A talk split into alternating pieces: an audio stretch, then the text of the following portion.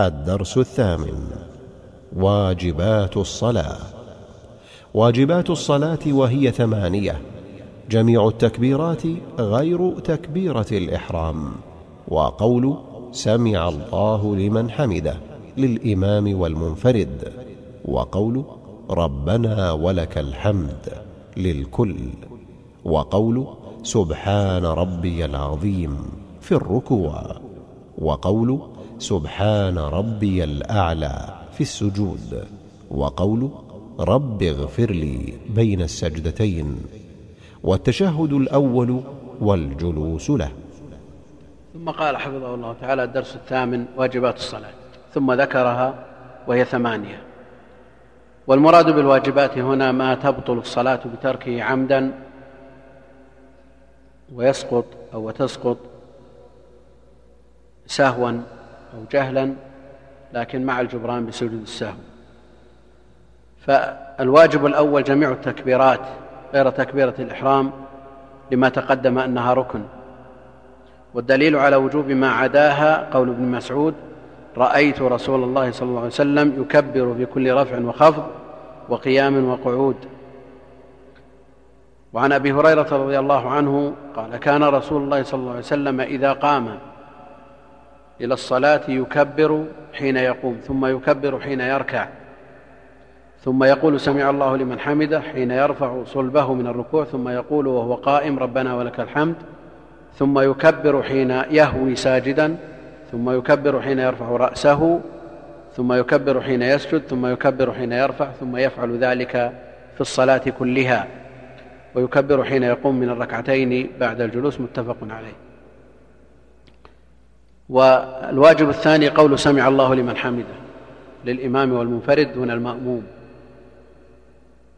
لحديث وإذا قال سمع الله لمن حمده إنما جعل إنما جعل الإمام ليؤتم به وفيه فإذا قال سمع الله لمن حمده فقولوا ربنا ولك الحمد ولما تقدم في الحديث السابق.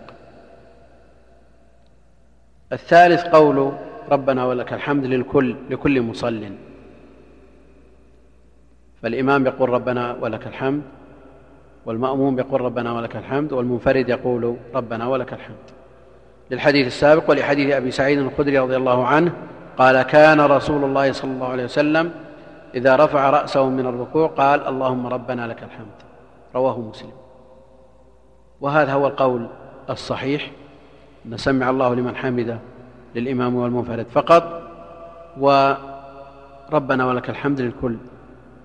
وإن رأى الشافعية أن كل مصل يجمع بينهما فالإمام والمأموم والمنفرد كل منهم يقول ربنا ولك الحمد سمع الله لمن حمده ربنا ولك الحمد.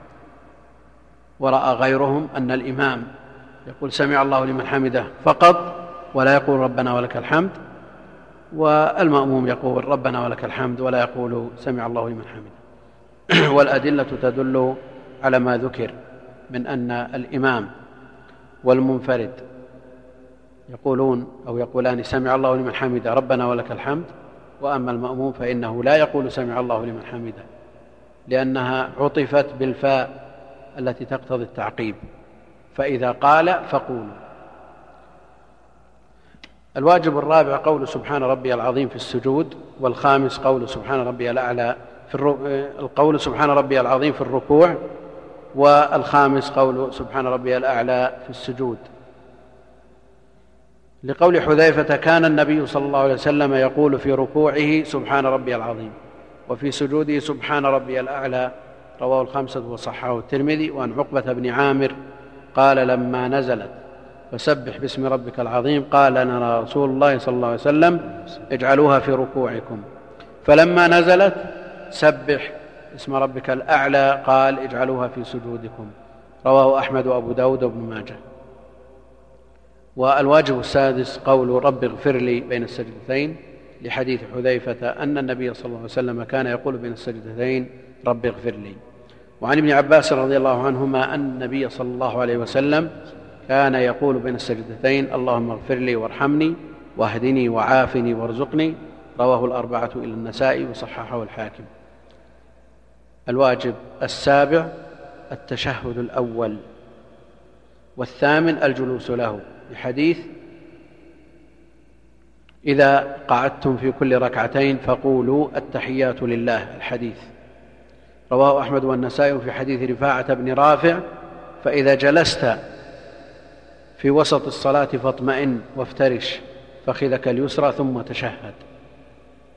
فدل هذا على وجوب التشهد الأول للأمر به وأنه يقال حين الجلوس فإذا جلست وإذا قعدتم نعم.